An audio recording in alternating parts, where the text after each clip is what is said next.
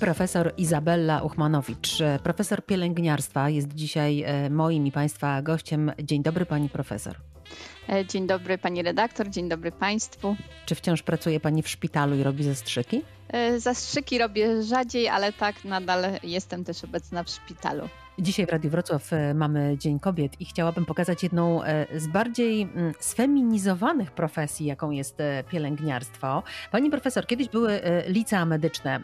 Dzisiaj jak się kształci pielęgniarki? Dokładnie tak jak pani powiedziała, kiedyś kształciliśmy w liceach medycznych, zresztą ja jestem absolwentką też liceum medycznego. Później dopiero e, poszłam na studia, ale obecnie ten cykl kształcenia od razu zaczyna się od e, poziomu akademickiego, czyli po liceum można przystąpić do studiów e, na poziomie licencjata pielęgniarstwa. Czyli teraz trzeba skończyć studia jednak wyższe. Tak, to jest ta zmiana, ale ta zmiana już trwa od dwudziestu paru lat i chyba nie wszyscy nadal zdają sobie sprawę, że mamy w systemie pielęgniarki, które są po studiach bez tego y, rozpoczęcia od liceum medycznego. Pamiętamy protesty pielęgniarek, które y, uświadamiały, mm, że ten zawód jest mocno niedoceniony. Czy to się zmieniło? Y, ja myślę, że o pielęgniarstwie jest dużo takich stereotypów. Jeśli chodzi o, o, zarobki w pielęgniarstwie, pewnie trochę się zmieniło na lepsze, ale chyba jeszcze nie są one wystarczające. Niewystarczające z powodów takich, że pielęgniarki mają bardzo jednak teraz wysokie kwalifikacje, dużą odpowiedzialność i myślę, że nadal e, ta odpowiedzialność i te kwalifikacje, e, jakoś zarobki za tym nie nadążają. A młode kobiety chcą zostawać pielęgniarkami? To są studia oblegane? Muszę powiedzieć, że nabory są. My nabieramy, tak mówiąc kolokwialnie, 140 osób rocznie, natomiast kończy te studia znacznie mniej. E, a co jest w tym wszystkim chyba takie mm, dla nas e, najbardziej, powiedziałabym, nawet zastraszające, że niestety większość kobiet, które zdecydowało się na te studia, chociaż panów też mamy, to nie podejmuje później pracy w tym zawodzie. Po prostu mając studia, e, panie idą czy panowie pracować w innych profesjach. To trochę tak, jakby mm, te studia były po to, żeby mieć wykształcenie wyższe, czyli jakiś papier, e, jakiś dokument, a praca zawodowa jednak odbywa się e, po tych studiach w innym obszarze, tak jak pani mówi, tak? Niestety tak i jest to dla nas e, smutne, ale część tych młodych ludzi zderza się z rzeczywistością, czyli E, widzi, jak ten zawód jest trudny, ile niesie za sobą poświęceń i jednak młodzi ludzie są chyba teraz bardziej wymagający i nie chcą zaburzać swojego życia prywatnego na rzecz pracy, czyli pracy zmianowej, prawda, takiej pracy wymagającej. Ja mówiłam wcześniej, że to jest zawód mocno sfeminizowany, a pani dodała, że mężczyźni również studiują pielęgniarstwo, e, że to się dzieje coraz częściej. Rzeczywiście są już zauważalni na, e, na szpitalnych oddziałach? Myślę, że tak obserwuję, że jest coraz więcej e, panów, którzy decydują się na te studia. Ja myślę, że to bardzo dobrze, bo są potrzebni jednak, żeby to nie była taka grupa całkowicie sfeminizowana. Bo cieszę się, że my dzisiaj rozmawiamy o pielęgniarstwie, dlatego że e, Wydaje mi się, że za mało się o pielęgniarstwie mówi, o tym, co my robimy, jakie są ścieżki kariery w pielęgniarstwie. E, że tak naprawdę teraz młody człowiek może wybrać e, różne drogi, może wybrać drogę naukową, czy drogę właśnie pracy w szpitalu, czy też e, w zakładach opieki zdrowotnej innych, czy też w geriatrii, czy nawet może być menedżerem w szpitalu, czy w prywatnych szpitalach, czy właśnie państwowych. Także te, te, te ścieżki kariery teraz są bardzo różne i, i ja naprawdę chciałabym, skoro już rozmawiamy o pielęgniarstwie, zachęcić młodych ludzi do tego, żeby pielęgniarstwo studiować. Ja też zawsze mówię, że cały świat potrzebuje pielęgniarstwa, bo braki kadrowe pielęgniarek, niedobory, jeśli chodzi o płace, one istnieją e, naprawdę wszędzie. To nie jest tylko tak, że my borykamy się z tym niedoborem, czy właśnie z niskimi płacami, jeśli chodzi o to, na ile byśmy e, oczekiwali, ile moglibyśmy zarabiać w tym zawodzie. W ogóle na świecie brakuje pielęgniarek, nie tylko w Polsce, bo kiedyś mówiło się, że pielęgniarki z Polski wyjeżdżają za granicę, bo tam lepiej zarobią. Tak, jest to prawda. Na pewno zarobią e, dużo lepiej, mają też bardziej, nazwałabym to bardziej usystematyzowaną pracę. One wykonują tylko swoje obowiązki pielęgniarskie, natomiast nie zajmują się jak gdyby taką sferą organizacyjną, od tego są inni ludzie i rzeczywiście można dużo więcej zarobić. Natomiast wiadomo, że w innych krajach koszty życia są wyższe, ale tak jak e, pani pytała, czy wszyscy potrzebują pielęgniarek, tak są niedobory pielęgniarek, ponieważ młodzi ludzie teraz nie chcą tego zawodu uprawiać i odczuwa to cała Europa. Muszę Państwu powiedzieć, że biorę udział w takim projekcie właśnie europejskim, który mówi o racjonowaniu opieki pielęgniarskiej, że jest taki niedobór, że pielęgniarki e, właśnie sprawując swoje obowiązki racjonują opiekę, czyli nie wypełniają wszystkich obowiązków na 100% i dotyczy to nie tylko naszego kraju, ale właśnie całego świata niestety. Nie e, zabrzmiało Oczywiście. to dobrze. Jeżeli pielęgniarka nie wykonuje wszystkich swoich obowiązków e, na 100%, co to znaczy? Czyli z czego rezygnuje?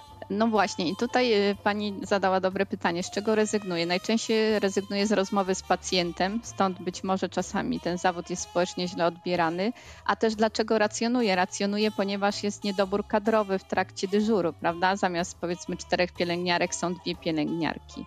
Oczywiście jest szereg przepisów, które to regulują, ale niestety czasem się dzieje tak, że nie jesteśmy w wystarczającej e, liczbie na zmianę i jest to wielki problem. I, I to też nie chciałabym, żeby zabrzmiało, że to my, polskie pielęgniarki, racjonujemy opiekę, tylko to się dzieje też w całym świecie. Jest szereg badań na to, że na to wpływają różne czynniki organizacyjne szpitala, czy właśnie niedobory kadrowe. Na to składa się wiele czynników. A przecież e, trudno wyobrazić sobie przychodnie czy szpital bez pielęgniarek, zwłaszcza teraz, w czasie pandemii. Pani profesor jest członkinią Europejskiej Fundacji Badań Naukowych nad Pielęgniarstwem. Jest również prezydentką Europejskiej Organizacji, która zrzesza i wspiera pielęgniarki i pielęgniarzy.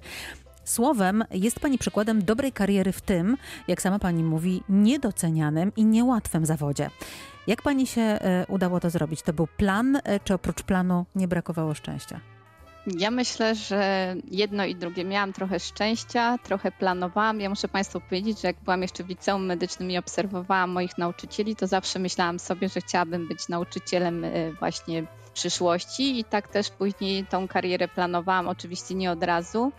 Natomiast miałam dużo szczęścia i byłam bardzo cierpliwa i konsekwentna, proszę Państwa. To nie jest tak, że jakaś kariera przychodzi jakakolwiek sama. Jest to dużo wyrzeczeń rzeczywiście tutaj, jeśli chodzi o rodzinę. Zawsze musimy mieć e, wsparcie w domu. E, pamiętajmy, skoro jest Dzień Kobiet, no to tu wsparcie mężczyzny, który nas e, w domu wesprze i będzie chciał tą karierę, nazwałabym to w cudzysłowie, dzielić, bo wtedy jednak ktoś musi się zajmować, e, prawda, dziećmi, domem bardziej. Natomiast e, ja rzeczywiście miałam dużo szczęścia, bo e, ja pracuję głównie w kardiologii i od wielu lat e, też jestem, biorę udział właśnie w, różnych pracach Europejskiego Towarzystwa Kardiologicznego i Polskiego Towarzystwa Kardiologicznego. I dzięki tej mojej pracy, właśnie tak jak pani powiedziała, ponieważ wszyscy mnie znali, to w zeszłym roku udało mi się zostać wybraną przez moje koleżanki pielęgniarki z całego świata na właśnie taką pozycję prezydenta elekta pielęgniarek kardiologicznych w Europejskim Towarzystwie Kardiologicznym. Jest to taka pozycja też, y, uważam, bardzo wysoko y, ceniona i kiedyś też, jeśli idziemy do wspomnień, obserwowałam moje koleżanki, które były na tych pozycjach w świecie i nigdy nie wyobrażałam sobie, że ktoś właśnie z Polski, czy to będę ja, czy ktoś inny, jest w stanie y, taką pozycję osiągnąć. I to się udało i myślę, że jeżeli ktoś jest konsekwentny i bardzo chciałby właśnie y, uprawiać ścieżkę takiej kariery naukowej, to jest to możliwe, ale trzeba mieć też dobrego mentora.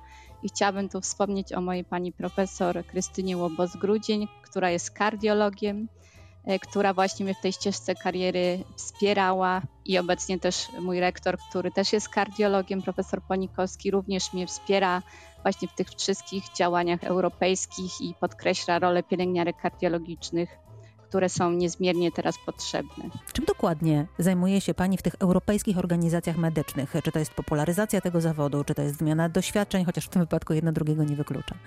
Bardziej wymieniamy się doświadczeniami i wspólnie pracujemy naukowo, również y, piszemy właśnie artykuły dotyczące E, kardiologii, opieki kardiologicznej nad pacjentami e, z tymi schorzeniami. A mówię to w dniu, w którym wiem, że już była konferencja pracowa na temat pierwszych przeszczepów w Uniwersyteckim Szpitalu Klinicznym we Wrocławiu i muszę powiedzieć, że mnie to niezmiernie cieszy, że mogłam widzieć, jak to jest wszystko przygotowywane i bardzo się cieszę z sukcesu kolegów i moich koleżanek, pielęgniarek i wszystkich pozostałych, którzy brali w tym udział. I to właśnie my w Europie też właśnie takimi rzeczami się dzielimy, piszemy badania naukowe, to co, o tym, co nam się udaje, e, czego nie możemy zrobić i e, Myślę, że w takim właśnie mm, towarzystwie naukowym jest to bardzo istotne, ponieważ możemy dzielić się doświadczeniami. I ja muszę powiedzieć, zachęcając młodych, że ja kocham pielęgniarstwo i uważam, że właśnie mm, te ścieżki kariery są e, tak różnorodne, że każdy mógłby wybrać coś dla siebie i żebyśmy patrzyli na ten zawód, też prosiłabym Państwa bardziej życzliwie, bo my naprawdę bardzo dużo staramy się e, zmienić na lepsze i sprawować jak najlepszą opiekę i miejmy nadzieję, że w przyszłości będzie lepiej. Skoro jest Pani e, pielęgniarką, która zajmuje się e, naszymi sercami, to zapytam o serca nasze. Jakie serca mają Polacy? Troszeczkę z przymrużeniem oka pytam, ale e, w tym sensie, czy my rzeczywiście jesteśmy takim narodem bardzo mocno chorującym na serce, na te wszystkie choroby układu naczyniowo-sercowego? Myślę, że tak. Oczywiście tutaj e, śmiejąc się do pani redaktor i do państwa powiem serca, myślę, że mamy dobre, w sensie, e, że jesteśmy dobrzy.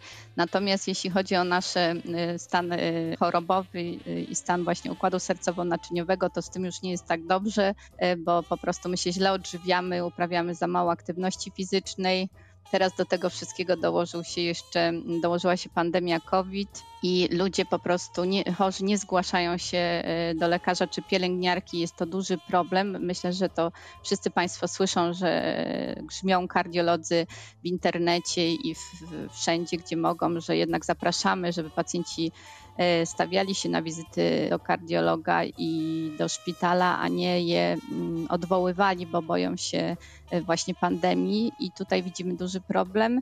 A poza tym my niestety jesteśmy takim społeczeństwem, który nie jest do końca taki wesoły i otwarty. Co tu mam na myśli? Na przykład Włosi mają dużo lepszą jakość życia i mhm. mają mniej tych chorób i jak sami wszyscy wiemy, te, to społeczeństwo żyje bardzo długo, no bo oni mają trochę lepiej, mają lepszą pogodę, bardziej mają więcej kontaktów społecznych. Naszą bolączką jest to y, brak kontaktów społecznych, co też wpływa potem na ten poziom jakości życia. Jak mamy złą jakość życia, to chorujemy. To wszystko się na siebie nakłada.